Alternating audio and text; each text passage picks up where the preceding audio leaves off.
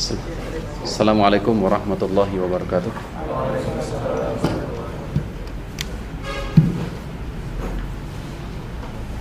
Alhamdulillahi rabbil alamin.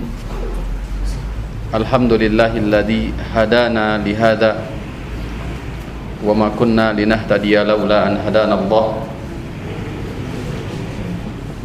Ashhadu an la ilaha illallah wahdahu la syarika lah. واشهد ان محمدا عبده ورسوله صلى الله عليه واله وسلم اللهم صل على محمد وعلى ال محمد كما صليت على ال ابراهيم انك حميد مجيد وبارك على محمد وعلى ال محمد كما باركت على ال ابراهيم انك حميد مجيد يا أيها الذين آمنوا اتقوا الله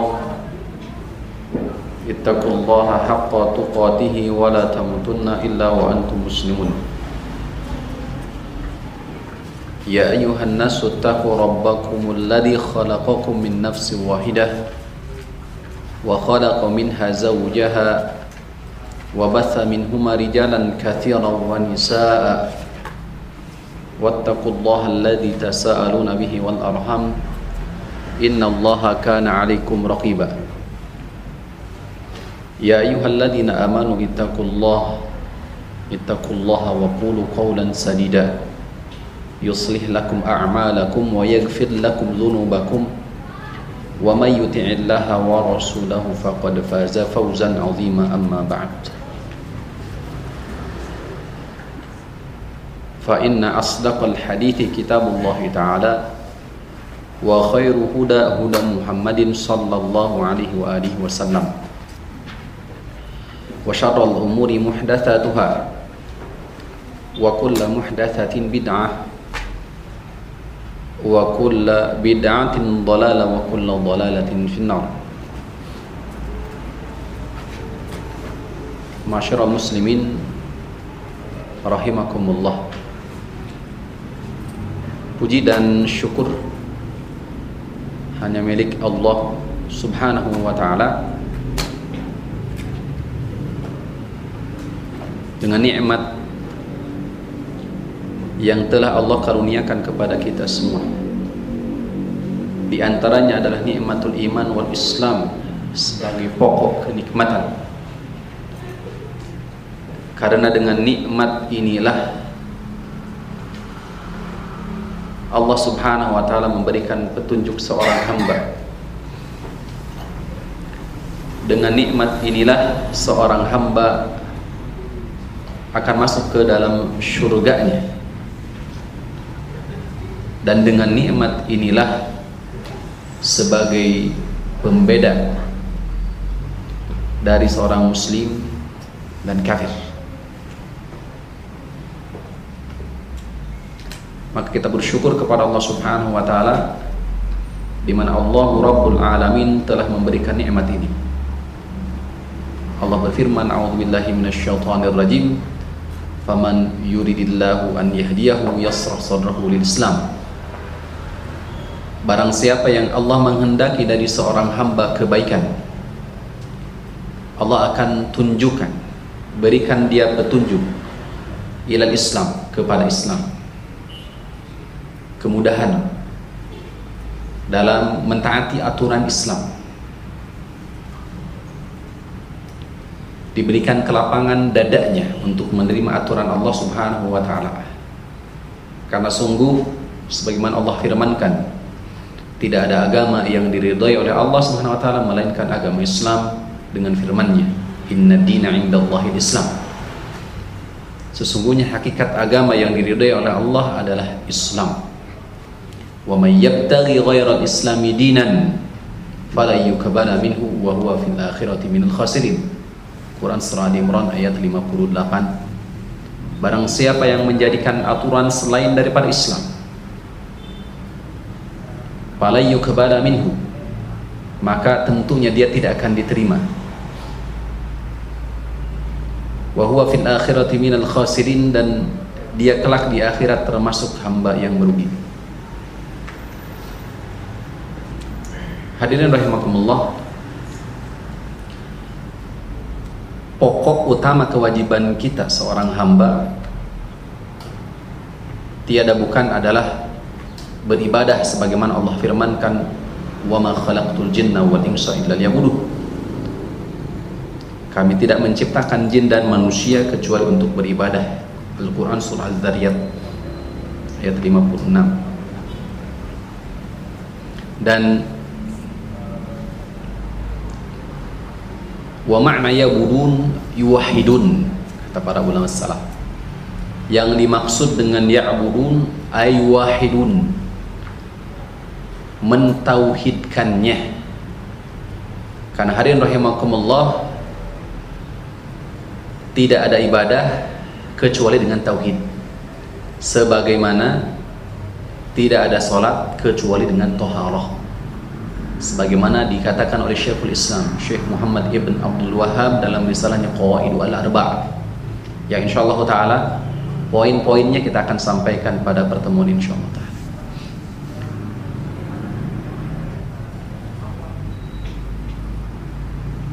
Dan perintah beribadah merupakan perintah yang paling utama perintah beribadah adalah perintah Allah Subhanahu wa taala yang paling utama. Sebagaimana menjauhi perbuatan syirik sebagaimana atau sebagai larangan yang paling utama yang Allah Subhanahu wa taala larang dari seorang hamba. Sebab Allah berfirman, "Innahu man yusyrik billah faqad harramallahu alaihi al-jannah." Karena barang siapa yang berbuat syirik kepada Allah, menyekutukan Allah, maka Allah akan haramkan dia masuk ke dalam surga Allah Subhanahu wa taala. Hadirin rahimakumullah.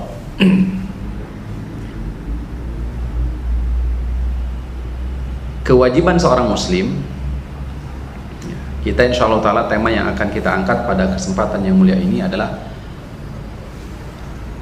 Pokok utama kewajiban seorang muslim. Pokok utama kewajiban seorang muslim. Adapun sumber yang kita ambil Pertama dari Muqaddim Al-Usul As-Salatah.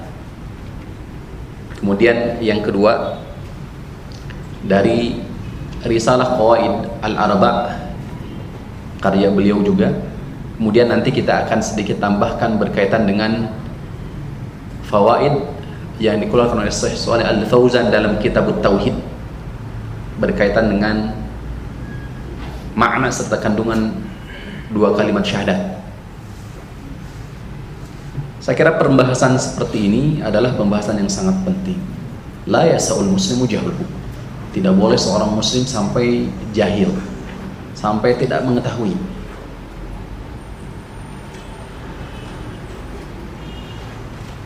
Pembahasan yang pertama, di antara perkara yang wajib diketahui oleh seorang muslim ada tiga hal. Dalam Muqaddimah Al-Usul Al-Thalathah, Syekh Muhammad Ibn Abdul Wahab mengatakan, I'lam rahimakallah atau i'lam arsyadallahu arsyadallahu arsadakallahu li ta'atihi.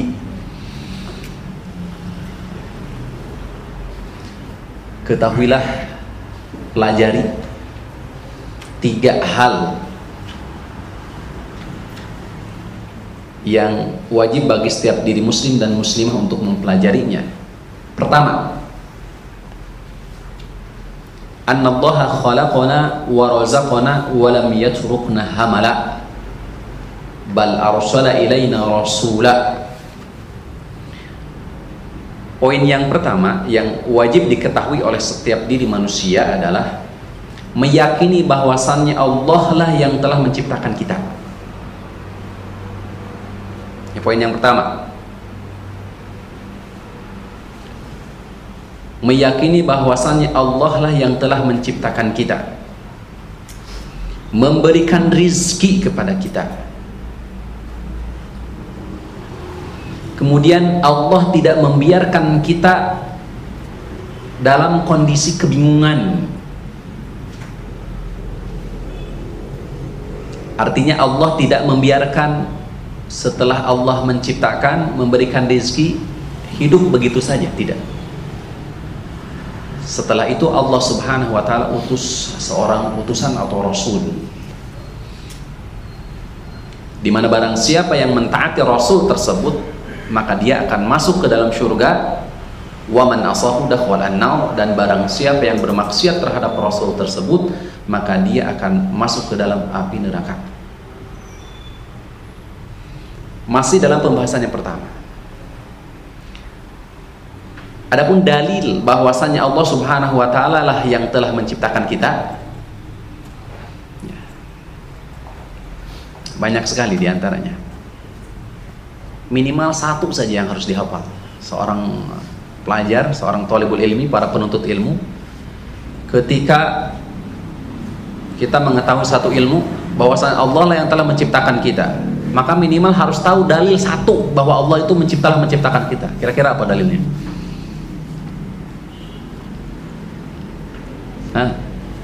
yakin mah yakin ya tolabul ilmi kayak seperti begini nih harusnya jadi bagaimana kita belajar itu ngaji itu taksil membangun sebuah pondasi tidak usah banyak sebenarnya dalil itu yang dikeluarkan, yang dilontarkan, akan tetapi bagaimana? Apa yang dia sampaikan, dia paham, kemudian bagaimana? Ah, bisa gitu, memahami.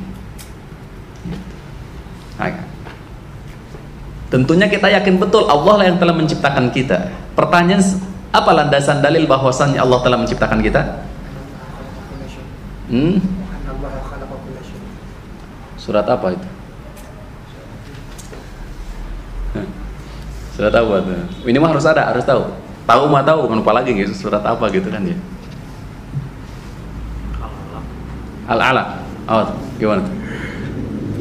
Iqra bismi rabbikal ladzi khalaq. Khalaqal insana. Ha? Laqad khalaqnal insana min salsalin Ayo, ya bisa, bisa itu sebagai landasan dalil. Oke, kita sampaikan. Minimal satu saja dihafal. Metode kita insya Allah satu uh, poin dalilnya ini. Ya, ini sekira lebih lebih mudah untuk dihafal. Kemudian juga kalau bisa nanti di murajaah di rumah masing-masing. Ya. Tapi pertama, dalil bahwasannya Allah Subhanahu wa taala telah menciptakan kita semua. Satu saja dah yang dihafal. Quran surah Ar-Rum ayat 20.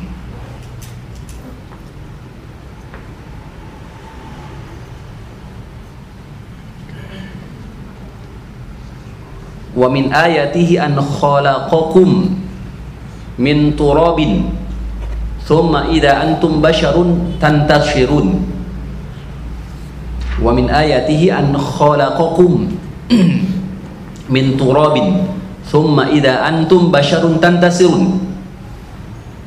Quran surah Ar-Rum ayat 20 dan termasuk bagian daripada tanda-tanda kekuasaan Allah adalah dia telah menciptakan kalian dari tanah.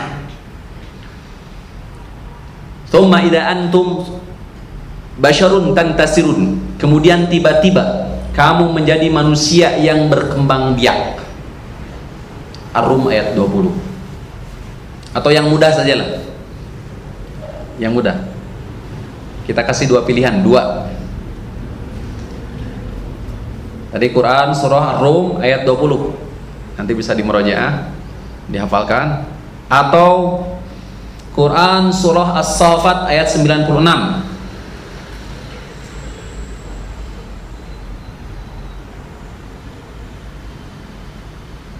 As-Saffat ayat 96 Allah berfirman Wallahu khalaqakum wa ma ta'malun. Nah, lebih mudah. Wallahu khalaqakum wa ma ta'malun. Dan Allah lah yang telah menciptakan kalian wa mata'malun serta apa yang kalian lakukan. Saya kira ini lebih mudah dan lebih untuk difahami wallahu khalaqakum wa mata'malun dan Allah lah yang telah menciptakan kalian serta perbuatan-perbuatan kalian sampai sini terlebih dahulu. Satu saja. Ya. Dalil daripada bahwasanya Allah Subhanahu wa taala lah yang telah menciptakan kita semua. Pertama, Quran surah Ar-Rum ayat 20 atau Quran surah As-Saffat ayat 96. Tadi apa? Bukan saja nama surat dan ayatnya, tapi isinya. Ya, diusahakan dengan isinya. Wajib para penuntut ilmu harus dihafal. Al ilmu bil hifzi. Ilmu itu dengan hafalan hakikatnya.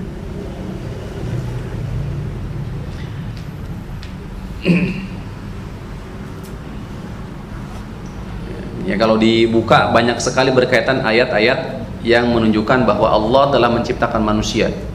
Prosesnya. Di antara Quran surah Al-Hajj ayat 5 Ya ayuhan nasu in kuntum fi raibin minal ba'thi fa inna khalaqnakum min turab. Fa inna khalaqnakum min turabin thumma min nutfatin thumma min 'alaqatin. Thumma min mudghatin thumma min mudghatin mukhallaqatin wa ghairi mukhallaqatin linubayyana lakum. Wa nukirru fil arhami ma nasha'u ila ajalin musamma. Terus? Thumma nukhrijukum tifla. Summa litablughu asyuddakum wa minkum may yutawaffa wa minkum may yuraddu ila ardalil umur. Likai la ya'lam min ba'di ilmin say'a. Ila akhir ayat ini bagus nih kalau dibacakan itu. Kalau hafal itu bagus. Wahai manusia jika kalian ragu minal ba'ti berkaitan dengan hari kebangkitan sesungguhnya kami telah menciptakan kalian dari tanah. Kemudian kami rubah menjadi min nutfah menjadi sperma. Ya sperma nutfah. Gitu. setetes mani summa min alaqah kemudian berubah menjadi segumpal darah. Summa min mudghah segumpal daging. Mukhallaqah wa ghairi mukhallaqah. Kalau sudah menjadi daging, ada yang diciptakan, ada yang dibuang. Dan redaksi hadis Nabi Shallallahu Alaihi Wasallam ketika menjelaskan, yujma'u khalqu fi batni ummihi arba'ina yawman nutfatan thumma yakunu 'alaqatan mithla dzalika thumma yakunu mudghatan mithla dzalika. Yang gitu. Para ulama tafsir, para ulama menjelaskan, ya. Berkaitan dengan ayat ini Quran surah Al-Hajj ayat kelima ketika masa mudghah yaitu segumpal daging ada yang mukhallaqah ada yang diciptakan ada juga yang tidak. Kalau yang tidak maka Allah lemparkan. Maksudnya apa? Sakot atau apa? Gugur keguguran. Ada juga yang diciptakan atau ditiupkan ruh. Linubayyina lakum wa nukirru fil arhami ma nasha'u ila ajalin musamma summa nukhrijukum tifla. Kemudian dikeluarkan menjadi sosok seorang bayi anak kecil. Summa litablugu asyuddakum. ya. Kemudian kami keluarkan kamu sebagai bayi kemudian dengan berangsur-angsur kamu sampailah kepada kedewasaan. Ya.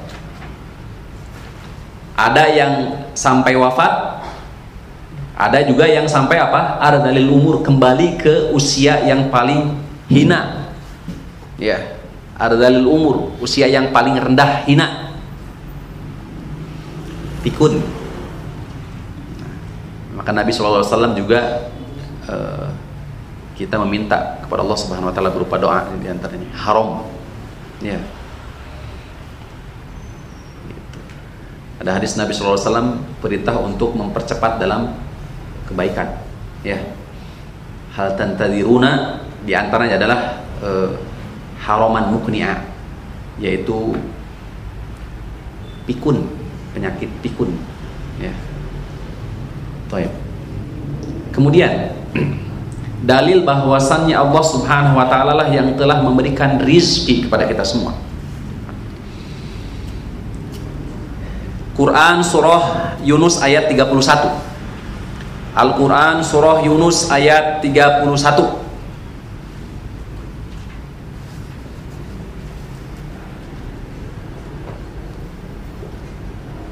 Sekaligus, sekaligus ini sebagai uh, pengakuan kaum musyrikin bahwasanya Allah lah yang bahwasanya Allah yang telah memberikan rezeki kepada mereka. Jadi dalam bab ini mereka mengakui Allah lah yang memberikan rezeki kepada mereka. Quran surah Yunus ayat 31. Nah, dihafalkan, Pak. Qul man yarzuqukum minas sama'i wal ardi amma yamliku sam'a wal absar Katakan wahai Muhammad, siapakah yang telah memberikan rizki kepada kalian dari langit serta bumi? Siapakah yang memberikan berupa pendengaran, penglihatan, waman yukhrijul hayya minal mayyiti? Siapakah yang mengeluarkan kehidupan dari kematian ataupun kematian dari kehidupan? Wa may yudabbirul amra dan siapakah yang mengatur mengurus segala urusan? Allah maka mereka akan mengatakan Allah Subhanahu wa taala. Ini landasan dalil bahwasannya Allah lah yang telah memberikan rizki kepada kita semua. Ini pun sebagai landasan dalil bahwasannya kaum musyrikin mengakui bahwa yang memberikan rizki kepada mereka tidak bukan adalah Allah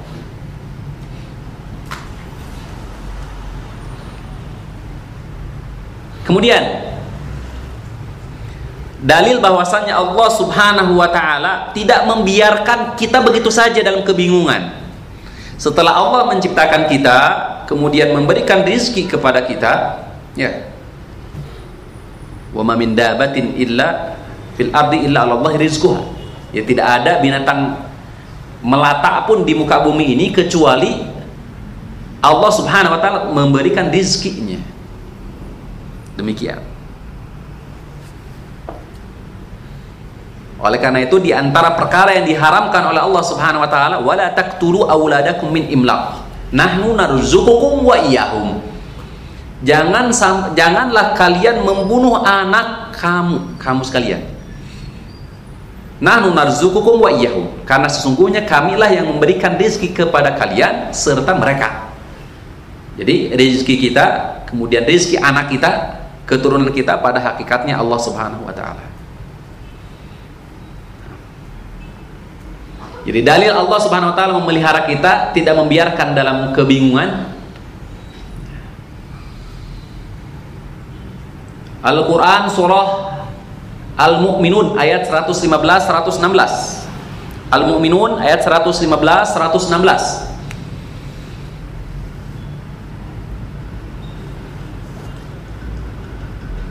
Apa hasibtum annama khalaqnakum abatha?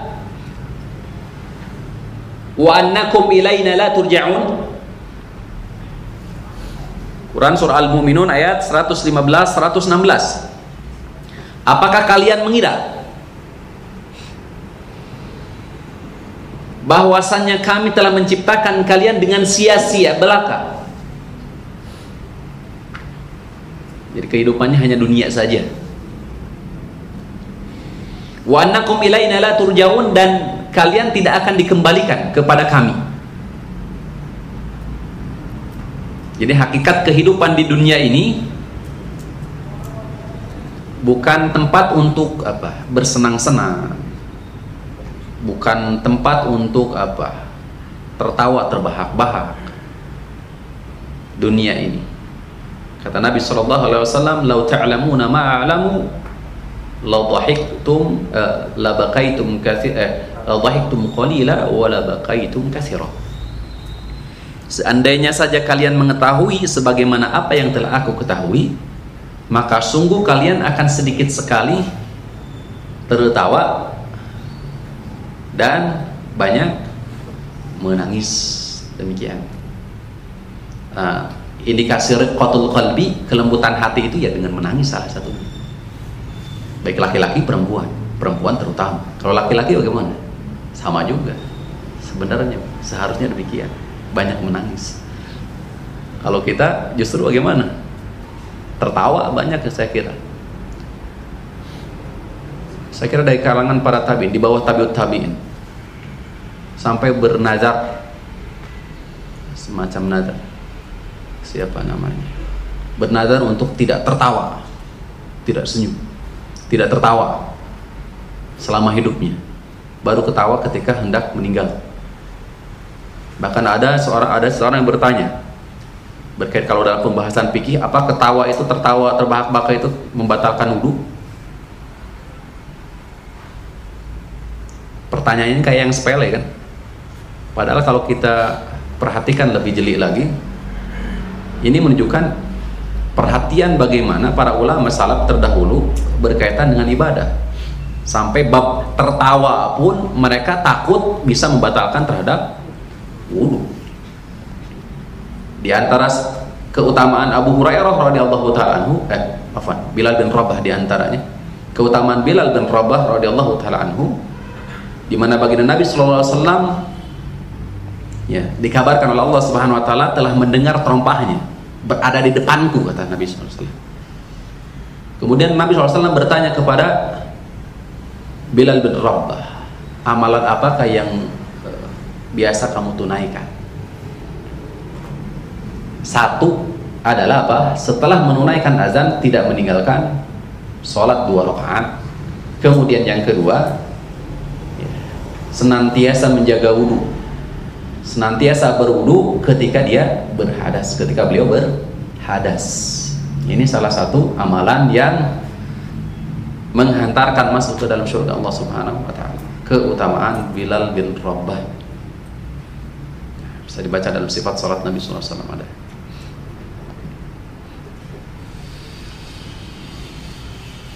Kemudian fata'ala Allahul Malikul Haqq la ilaha illa huwa Rabbul Arsyil Karim. Ya, minimal itu saja ayat 115 nya minimal satu saja dihafal tuh. Quran surah Al-Mu'minun ayat 115 atau 106 sampai 116 minimal satu. Apa hasibtum annama khalaqnakum abathan wa annakum ilaina la turja'un? Jadi inti kehidupan itu bukan di dunia akan tetapi justru kelak di akhirat karena kita akan kembali karena akhirat itu khairun wa abqa lebih baik dan lebih kekal atau bisa Quran surah Al-Qiyamah ayat 36 sampai 40 barangkali sudah hafal. Al-Qiyamah ayat 36 41 40 saya kasih pilihan saja. Minimal satu. Gitu. Syukur-syukur dua-duanya. Karena hakikatnya penjelasan berkaitan dengan ini banyak sebenarnya. Cuma kita yang sampaikan dua saja. Quran surah Al-Qiyamah ayat 36 40 ayat sabul insanu ayyut sudah ah lebih mudah insyaallah. Ayat sabul insanu ayyut sudah apakah manusia mengira bahwa ia akan dibiarkan begitu saja tanpa pertanggungjawaban? Alam yakunut fatam mimani yumna. Bukankah dia dahulu setetes mani yang ditumpahkan ke dalam rahim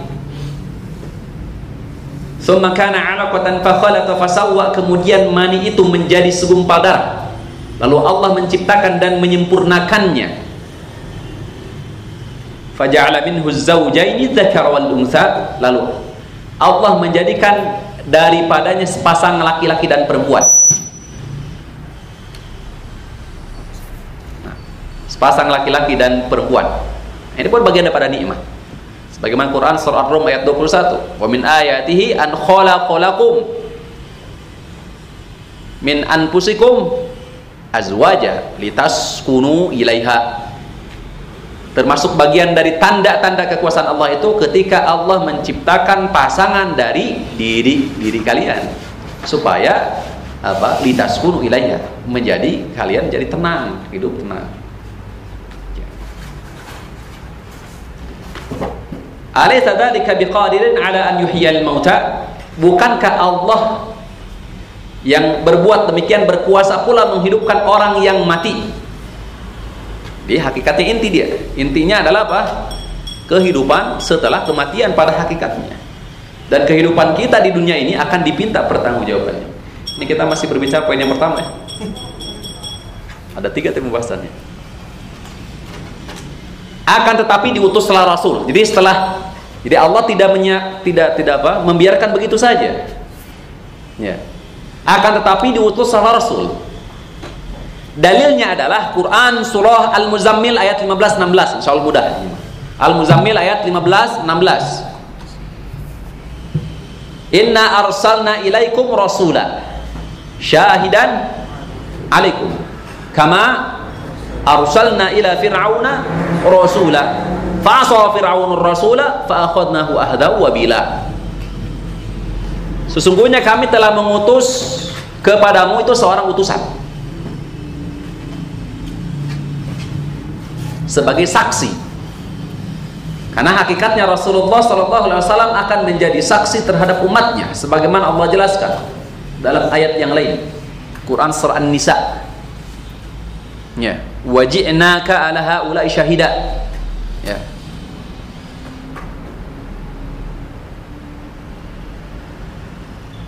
Wajalnakum ummatan wasata. Litakunu syuhada'a ala, ala nas. Wa yakuna ar-rasulu 'alaikum syahida. Kami jadikan kalian sebagai umat pertengahan. Umatan wasata umat yang adil supaya kalian menjadi saksi atas umat-umat terdahulu.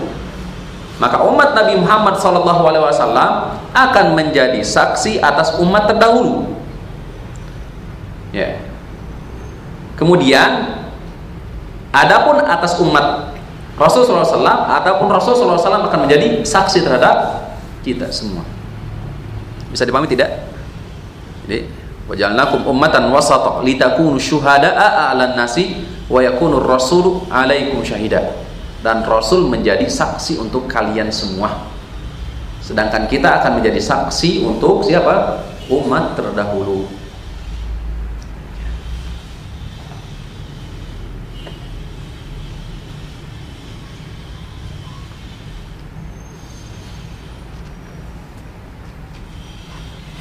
Atau Quran surah Fatir ayat 24. Kita kasih pilihan dua.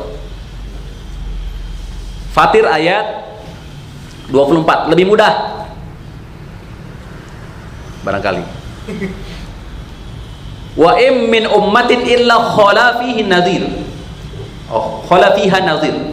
Wa im min ummatin illa fiha atau illa khala fiha an fiha nadhirun. Wa im min ummatin illa khala fiha nadhirun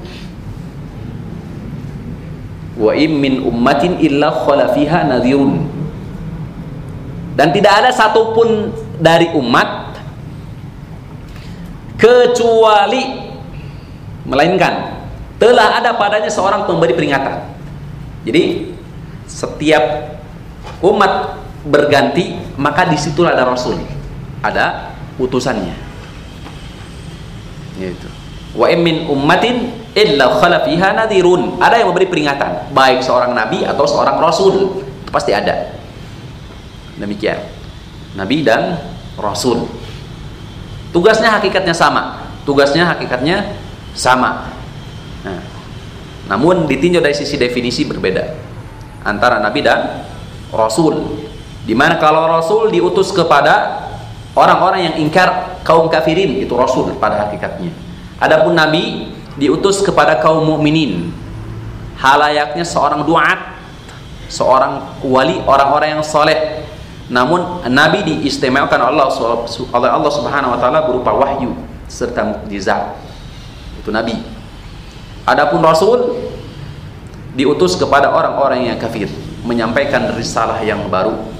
Demikian. Allah taala maka hadir rahimakumullah kewajiban kita terhadap Rasul sebagaimana tadi dijelaskan dalam Quran surah Al-Muzammil adalah mentaatinya.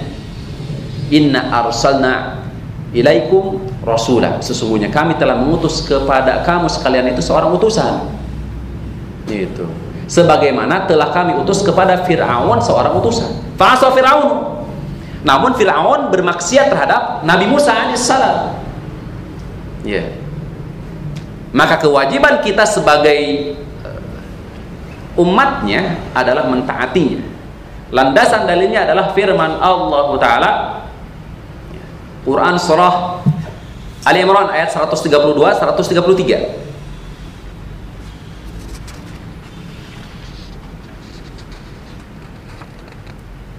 122 132 133 wa atiullaha war rasul la'allakum turhamun. Wa atiullaha war rasula la'allakum turhamun. Kemudian di ayat 133-nya berkaitan dengan orang-orang yang bertakwa. Wasari'u ila maghfiratin mir rabbikum. Wa jannatin arduha as-samawati wal ardu uiddat lil muttaqin. Kewajiban taat kepada Rasul sallallahu alaihi wasallam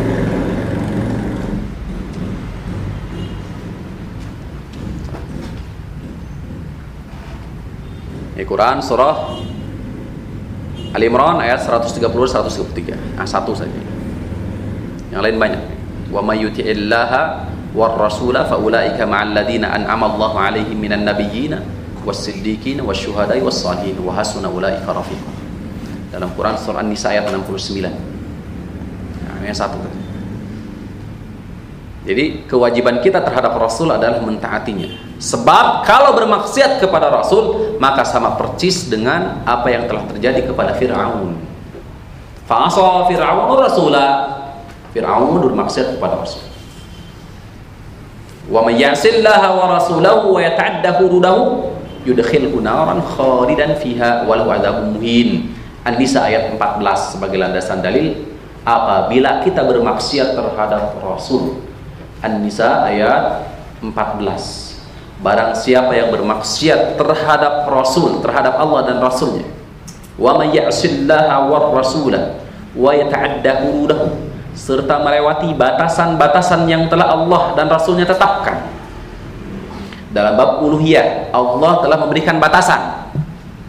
Ya bahwasannya Allah lah yang memiliki hak untuk disembah.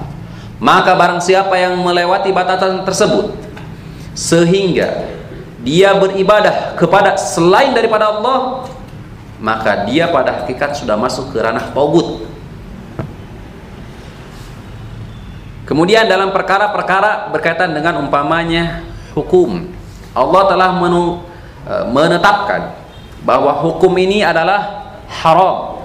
Kemudian dia lewati batasan tersebut maka hadirin rahimakumullah itu pun sudah masuk ke ranah maksiat terhadap Allah dan Rasulnya. Dan indikasi bagian daripada taubat pada hakikatnya. Karena secara bahasa taubat itu adalah mata jawaza alihi ladu. Sebagaimana dipaparkan Ibnu Qayyim rahimahullah taala taubat itu adalah sesuatu yang melampaui melewati batas. Sesuatu yang melewati batasan Allah dan Rasulnya. Min ma'budin au muta'in au matbu'in. Min ma'budin sesuatu yang melewati batasan dari sisi apa? ma'bud. Yang disembah muta' yang ditaati. Yang ketiga au matbu' atau yang diikuti.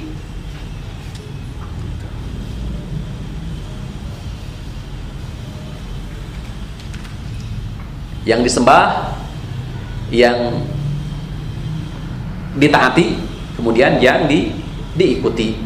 Demikian. Ya, bisa dibaca di Risalah Usul As-Salasa ada dia. Bagian akhir ada ya. Pembahasan berkaitan dengan togut nah masalah yang kedua. Kewajiban seorang muslim adalah meyakini bahwasannya Allah itu tidak ridho dipersekutukan kepada selain Allah Subhanahu wa taala. Meyakini bahwasannya Allah itu tidak ridho dipersekutukan dalam ibadah. Allah tidak ridho dipersekutukan dalam ibadah. La malakun muqarrabun wala nabiyyun mursalun. Baik itu sosok seorang malaikat atau bahkan seorang nabi yang diutus Wa dalilu qawlu ta'ala wa annal masajida lillah fala tad'u ma'allahi ahada. Quran surah Al-Jin ayat 18. Tak itu hafalkan satu saja minimal. Wa annal masajida lillah fala tad'u ma'allahi ahada. Masajid bisa berupa isim makan tempat bersujud. Artinya seluruh tempat sujud itu hanya milik Allah. Apa yang maksud dengan tempat sujud di sini? Keistimewaan umat Nabi Muhammad SAW salah satunya adalah innama ju'ilat liyal ardu masjidan wa tahura. Hanya saja ya uh, untukku diberikan apa? Seluruh seluruh bumi itu sebagai apa? Masjid dan suci. Masjid dan suci. Itu tempat. Kecuali yang sudah dijelaskan pelarangannya melalui dalil. Tentunya atau bisa juga berarti masjid di sini adalah anggota tubuh yang dipergunakan untuk bersujud ada berapa? Tujuh. Tujuh. Satu. Kepala. Kepala. Dahi. Dahi dan dahi kemudian hidung. Satu. Dua. Kedua taplak tangan. Tiga. Kedua lutut. Yang keempat. Kedua. Telapak kaki. Eh, jari jemari mengarahkan ke kiblat. Jari jemari mah tetap ke arah ke kiblat. Nah, Nah itu semua milik siapa? Allah. Ya. Jadi wajah kita pada hakikatnya milik Allah Subhanahu wa taala bukan milik kita. Iya. Yang itu. Tangan kita, kemudian lutut kita, kaki kita semua ini adalah milik Allah Subhanahu wa taala. Wa ma bikum min ni'matin faminallah. Apa pun kenikmatan yang ada dalam diri kalian hakikatnya itu adalah pemberian dari Allah. Semua milik Allah Subhanahu In takfuru fa innallaha ghaniyun ankum. Jika kalian berbuat kufur, maka sungguh Allah Maha Kaya. Ya. Kalau kita berbuat sekutu terhadap Allah Subhanahu wa taala, bermaksiat kepada Allah Subhanahu wa taala, enggan tunduk dan patuh terhadap Allah dan Rasulnya, maka bagi Allah dalam Quran surah Az-Zumar ayat 7, "In takfuru fa innallaha ghaniyun ankum." jika kalian berbuat kufur mengingkari enggan untuk tunduk dan patuh maka hakikatnya Allah mana gimana maha kaya tidak akan memberikan dampak sedikit pun bagi Allah subhanahu wa ta'ala. Sugan rugi gitu. Tidak tidak sama sekali. Wala yardha li ibadihi al kufra walaupun pada hakikatnya Allah tidak ridho kekufuran dari seorang hamba.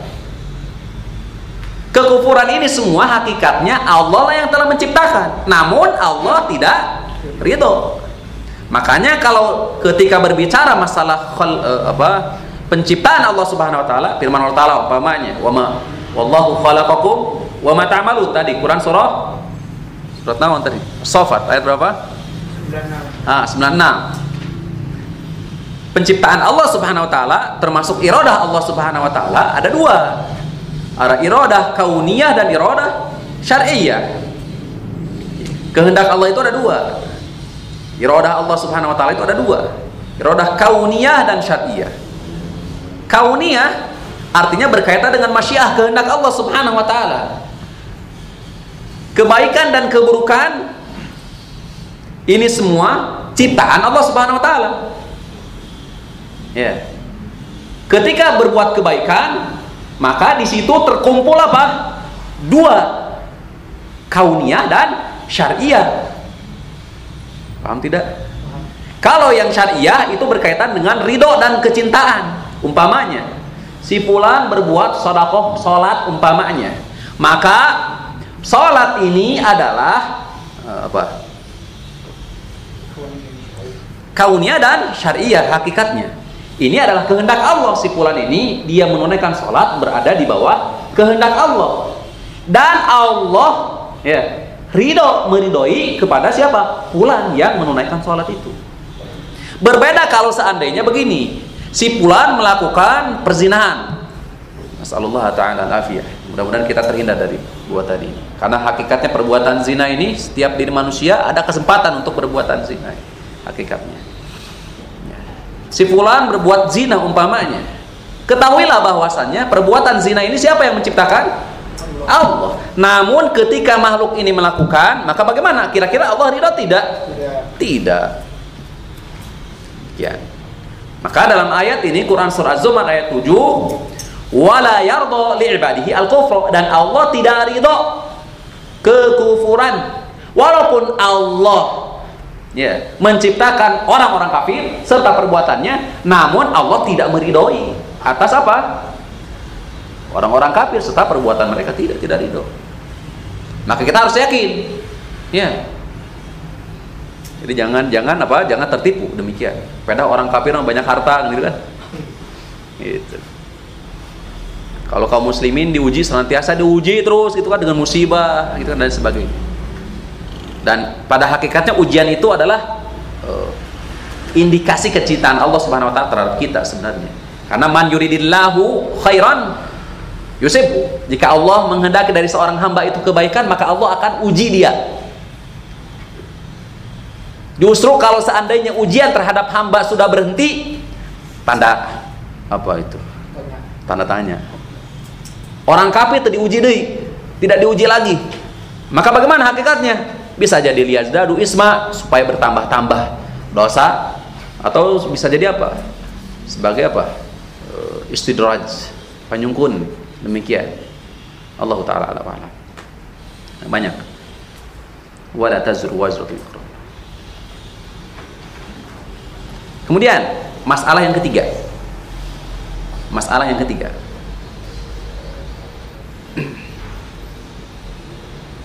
anna man ata'allaha atau anna man eh, ata'a ar-rasul wa wahadallaha la yajuzu lahu muwalatu man hadallahu wa rasulahu orang yang mencintai Allah orang yang mentauhidkan Allah mencintai rasulnya mentaati rasulnya tidak boleh sampai ada loyal kecintaan terhadap orang yang memusuhi Allah dan rasulnya. Tidak boleh ada eh, kecintaan loyal terhadap orang yang memusuhi Allah dan Rasulnya walaupun dia adalah kerabat yang paling dekat. Demikian.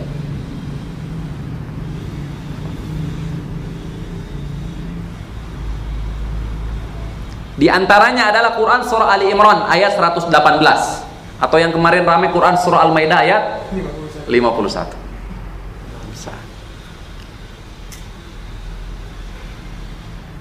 Quran surah Ali Imran ayat 118 atau Al-Maidah ayat 51. Pilih we, mangga satu.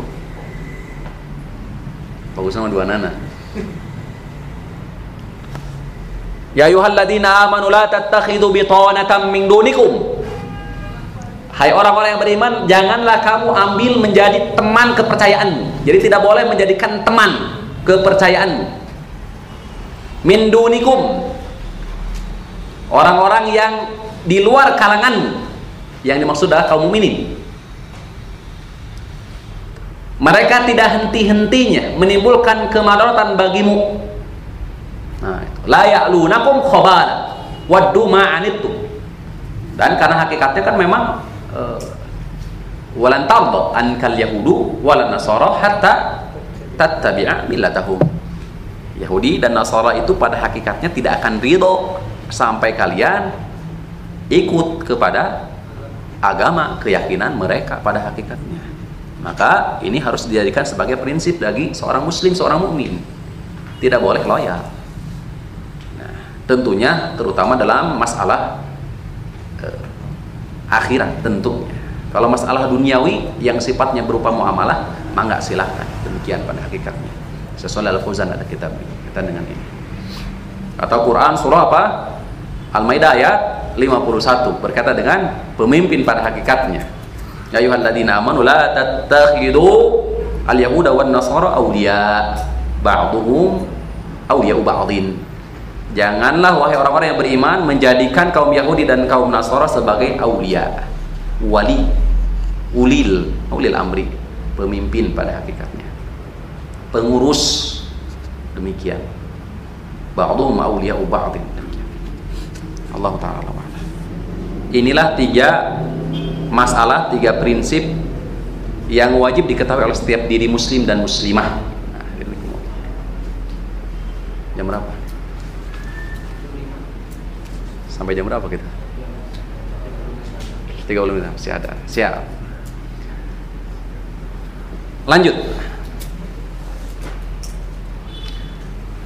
Saya kira sampai kepada dua kalimat syahadat. Penting Sebenarnya ada tiga yang kita sampaikan, tapi kita ringkas ke dua kalimat syahadat. Mudah-mudahan ini harus bagus betul-betul dipahami. Di antara perkara yang wajib dipahami setiap diri muslim dan muslimah adalah berkaitan dua kalimat syahadat. Pertama,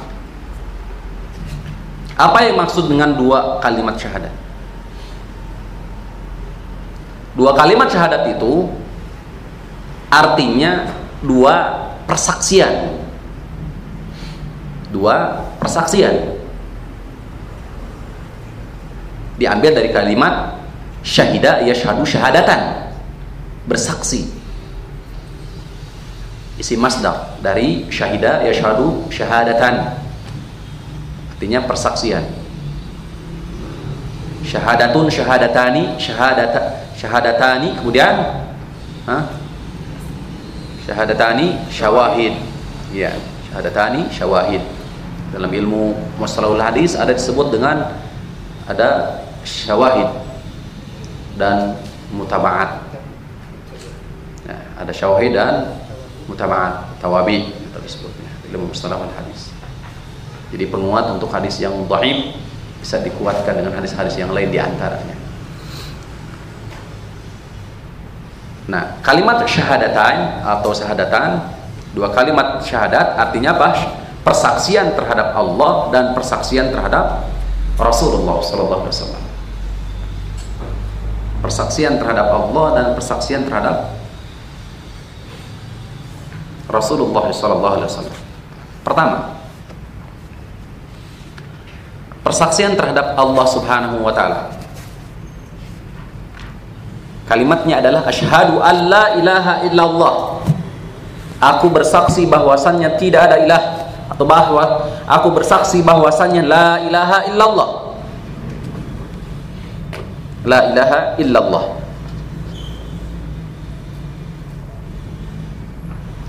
Pertama tadi syahadat terhadap Allah. Dua persaksian ini baik syahadat terhadap Allah kemudian yang kedua syahadat persaksian terhadap Rasulullah memiliki rukun dan syarat. Memiliki rukun dan syarat. Rukun yang pertama.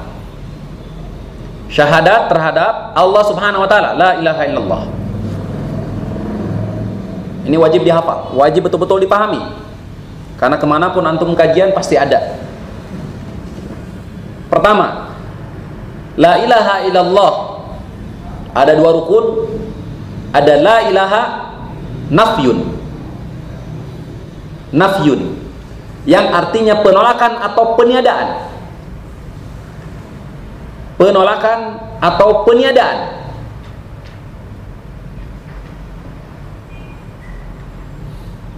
Dalam kitab usul as-salasah nafian jami'a ma yu'badu min dunillah.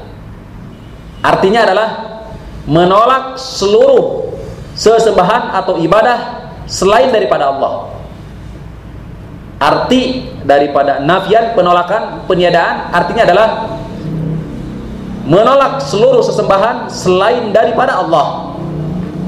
Meniadakan seluruh sesembahan selain daripada Allah. Adapun landasan dalilnya kurang surat landasan dalilnya apa? Ah, wajib ada kudu ada Iya. Harus harus tahu. Dalilnya adalah harus siapa? Quran surah Al-Hajj ayat 62. Al-Hajj ayat 62.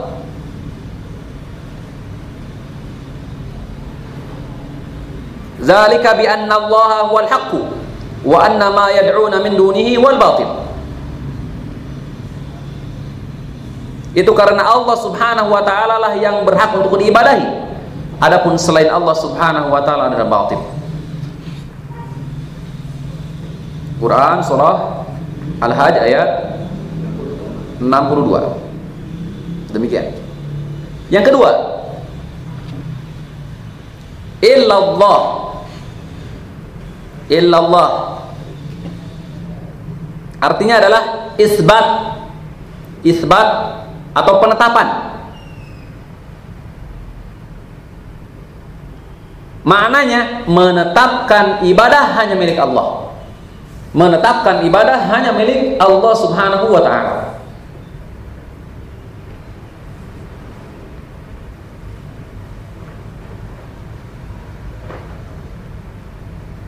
Landasan dalilnya adalah Quran surah Muhammad ayat 19. Quran surah Muhammad ayat 19. Fa'lam annahu la ilaha illallah wastaghfir li dhanbika. Fa'lam annahu la ilaha illallah wastaghfir li dhanbika. Ketahuilah bahwasannya la ilaha illallah, tidak ada ilah yang berhak diibadahi dengan sebenarnya kecuali Allah dan beristighfarlah. Demikian. Dalam ayat ini perintah untuk mengenal Allah Subhanahu wa taala Perintah untuk mengenal Allah Subhanahu wa taala, mempelajari Allah Subhanahu wa taala. Karena sungguh manusia untuk mengenal Allah secara utuh itu tidak apa? Itu mengalami kesulitan. Maka Allah Subhanahu wa taala iringi dengan wastaghfir dan bika. Banyaklah beristighfar, meminta ampunan. Mintalah ampunan atas dosamu. Kenapa? Karena Allah Maha tahu kita sulit untuk mengenal secara utuh. Benar tidak? Begitupun berkaitan dengan takwa. Ikuti ya kesalahan itu dengan keburukan. Datang setelah perintah untuk bertakwa. Allah perintahkan untuk bertakwa akan tetapi di akhir perintah tersebut datang dengan kalimat apa? Wa bi'is hasanata tambuha. Ittaqillaha haitsu ma kunta wa atbi'is sayyi'atal hasanata tambuha. Bertakwalah kamu di mana pun kamu berada. Dan ikuti kesalahan itu dengan kebaikan akan menjadi kifarat. Menunjukkan bahwasannya menjadi hamba sosok hamba yang bertakwa secara utuh itu sulit. Namun bagaimana? Allah memberikan solusi untuk menutupi dengan berupa apa? Ya, menutup dengan kebaikan memperbanyak amal soleh. Atau berupa istiqomah. Ya pastaqimu ilaihi wastaghfirulahu beristiqomahlah kalian kepadanya dan banyak beristighfar. Allah tahu kita untuk menjadi sosok yang istiqomah sulit. Ya istiqomah. Ini kasih ciri hamba siratal mustaqim. Salah satunya apa? Istiqomah dalam ketaatan ya dalam Quran surah An-Nahl Quran surah An-Nahl ayat 120 sampai 122 Ciri hamba-hamba yang mendapatkan gelar siratal mustaqim. Ya. Salah satunya adalah qanitan lillah senantiasa tunduk dan patuh. Para ahli tafsir menjelaskan yang dimaksud adalah dawam ta'ah, dawam dalam ketaatan. Istiqomah dalam ketaatan. Allah memerintahkan untuk istiqomah dalam berbagai bentuk ketaatan, namun Allah pun tahu bahwa kita untuk menjadi sosok orang yang istiqomah hese. Sehingga tutupi dengan apa? Beristighfar. Masya Allah. Ya.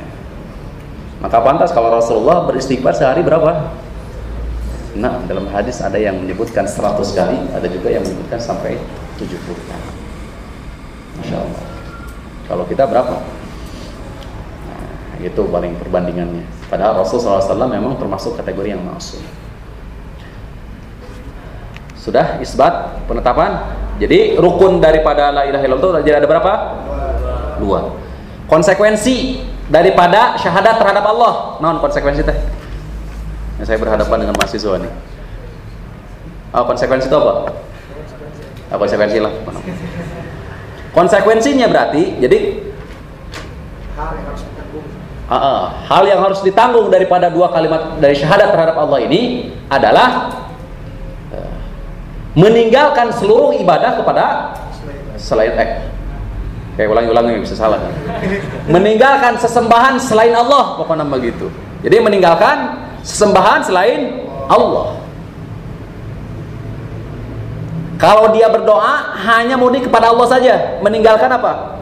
Selain Allah subhanahu wa ta'ala pokoknya kalau umpamanya ada seorang hamba dia berikrar dua kalimat syahadat asyhadu an la ilaha illallah akan tetapi ketika dia berdoa meminta larinya bukan ke Allah justru lebih percaya kepada ah, ah demikian Maka bagaimana hakikatnya? Tidak bermanfaat daripada kalimat tauhid la ilaha illallah ini. Sudah terjerumus ke dalam bab syirik Allah taala wala. Demikian. Yang kedua, konsekuensinya adalah apa? Memurnikan ibadah hanya kepada Allah dan menjauhi kesyirikan tentunya. Memurnikan ibadah hanya kepada Allah dan menjauhi kesyirikan. Ini kalau seandainya seorang hamba betul-betul kalimat tauhidnya itu sudah menancap di dalam jiwa, maka akan melahirkan amal soleh sebagaimana Allah firmankan. Ya. Yeah.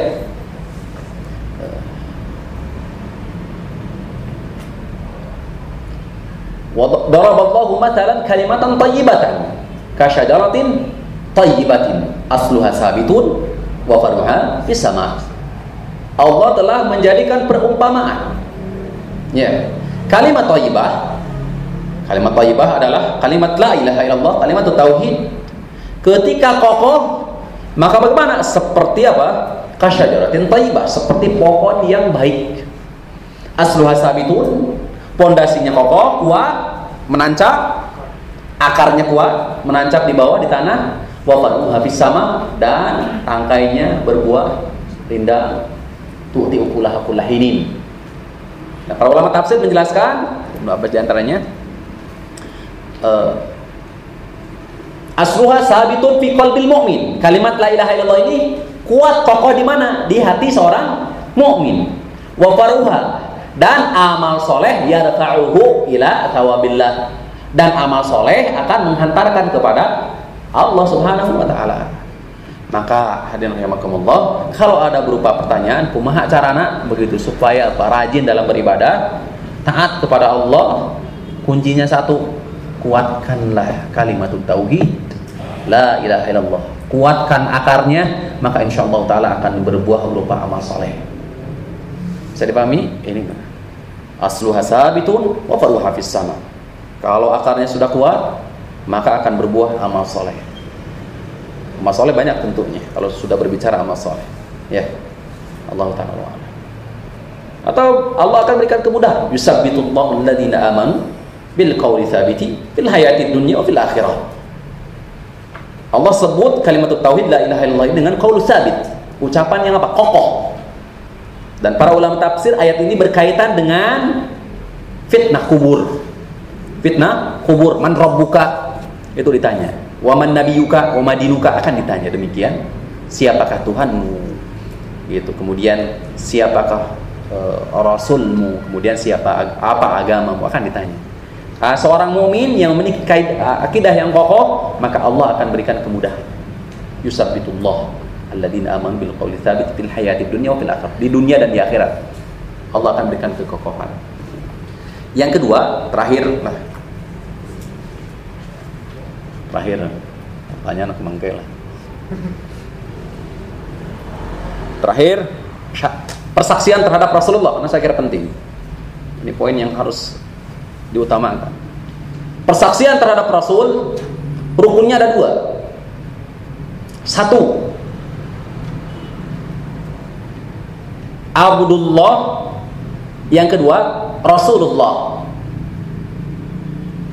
Pertama Abdullah. Artinya meyakini bahwasannya Nabi Muhammad itu adalah hamba Allah. Manusia biasa.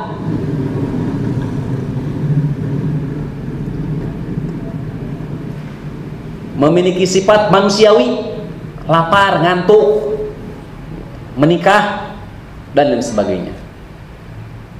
Landasan dalilnya adalah Quran surah Al-Kahfi ayat terakhir. Mai gampang hafal. Al-Kahfi ayat terakhir 110. Al-Kahfi ayat 110.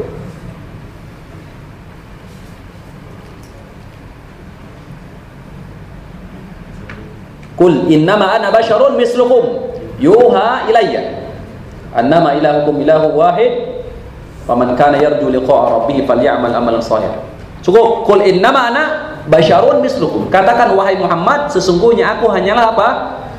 manusia seperti kalian. Demikian. Quran surah Al-Kahfi ayat 110 ayat terakhir. Yang kedua, rukun dari persaksian terhadap Rasul itu adalah Rasulullah. Nabi Muhammad itu bukan sekedar manusia, akan tetapi adalah utusan Allah. Dalilnya adalah Quran surah Al-Ahzab ayat 40. Al-Ahzab ayat 40 atau Quran surah Al-Fathu ayat 29 Al-Fathu ayat 29 Al-Ahzab ayat 40 Wa ma Muhammadun aba ahadim min rijalikum walakin Rasulullah wa khatamun nabiyyin Nabi Muhammad itu bukan saja bapak laki-laki dari kalian melainkan dia adalah Rasulullah utusan Allah serta penutup para nabi. Tuh, Al-Ahzab ayat 40. Serta Quran surah Al-Fathu ayat 29. Tinggal dipilih satu ya, tenan Harus hafal. Uh, Muhammadur Rasulullah walladzina ma'ahu asyidda'u 'alal kufar ruhama'u bainahum. Muhammad itu adalah utusan Allah dan orang-orang yang menyertainya dari kalangan para sahabat asyidda wadal kufar mereka tegas terhadap orang kafir serta lemah lembut berkasih sayang terhadap sesama. Hadirin rahimakumullah. Ini dia adalah apa?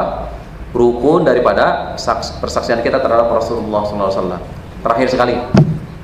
Konsekuensi dari persaksian terhadap Rasulullah persaksian kita terhadap Rasulullah ada empat. Maka seorang hamba mengatakan asyhadu wa asyhadu anna muhammadar rasulullah maka ya apa tadi teh? Konsekuensi teh? Ya. hal yang harus ditanggung. Ya berarti hal yang harus ditanggung itu empat. Satu tasdiquhu atau pertama ta'atuhu fi amara. Mentaati perintahnya. Mentaati perintahnya. Yang kedua tasdiqu fima akhbara. Membenarkan beritanya membenarkan beritanya. Wajadina manaha anhu wajazara menjauhi larangannya. Menjauhi larangannya. Yang keempat tidak beribadah kepada Allah kecuali melalui sunnahnya. Tidak beribadah kepada Allah kecuali melalui sunnahnya inilah hakikat kalimat tauhid la ilaha illallah dan sekaligus dua kalimat syahadat asyhadu an la ilaha illallah wa asyhadu anna muhammadan abduhu wa rasuluh demikian Mudah-mudahan ini menjadi ilmu yang bermanfaat untuk kita semua. Ya. Adapun tadi berkaitan terakhir Muhammadur Rasulullah Muhammadan Abdul wa Rasuluh sebagai bantahan terhadap orang yang ifrat wa tafrid, orang yang melemehkan terhadap Rasulullah. Ya, beranggapan bahwasanya Rasulullah adalah manusia biasa seperti halnya apa? Manusia dan sebagai bantahan pula terhadap orang yang bulu berlebih-lebihan sampai e, masuk ke derajat uh, uluhiyah ibadah atau rububiyah sebagaimana telah terjadi kepada kaum Nasr kaum Yahudi terhadap nabi-nabi mereka.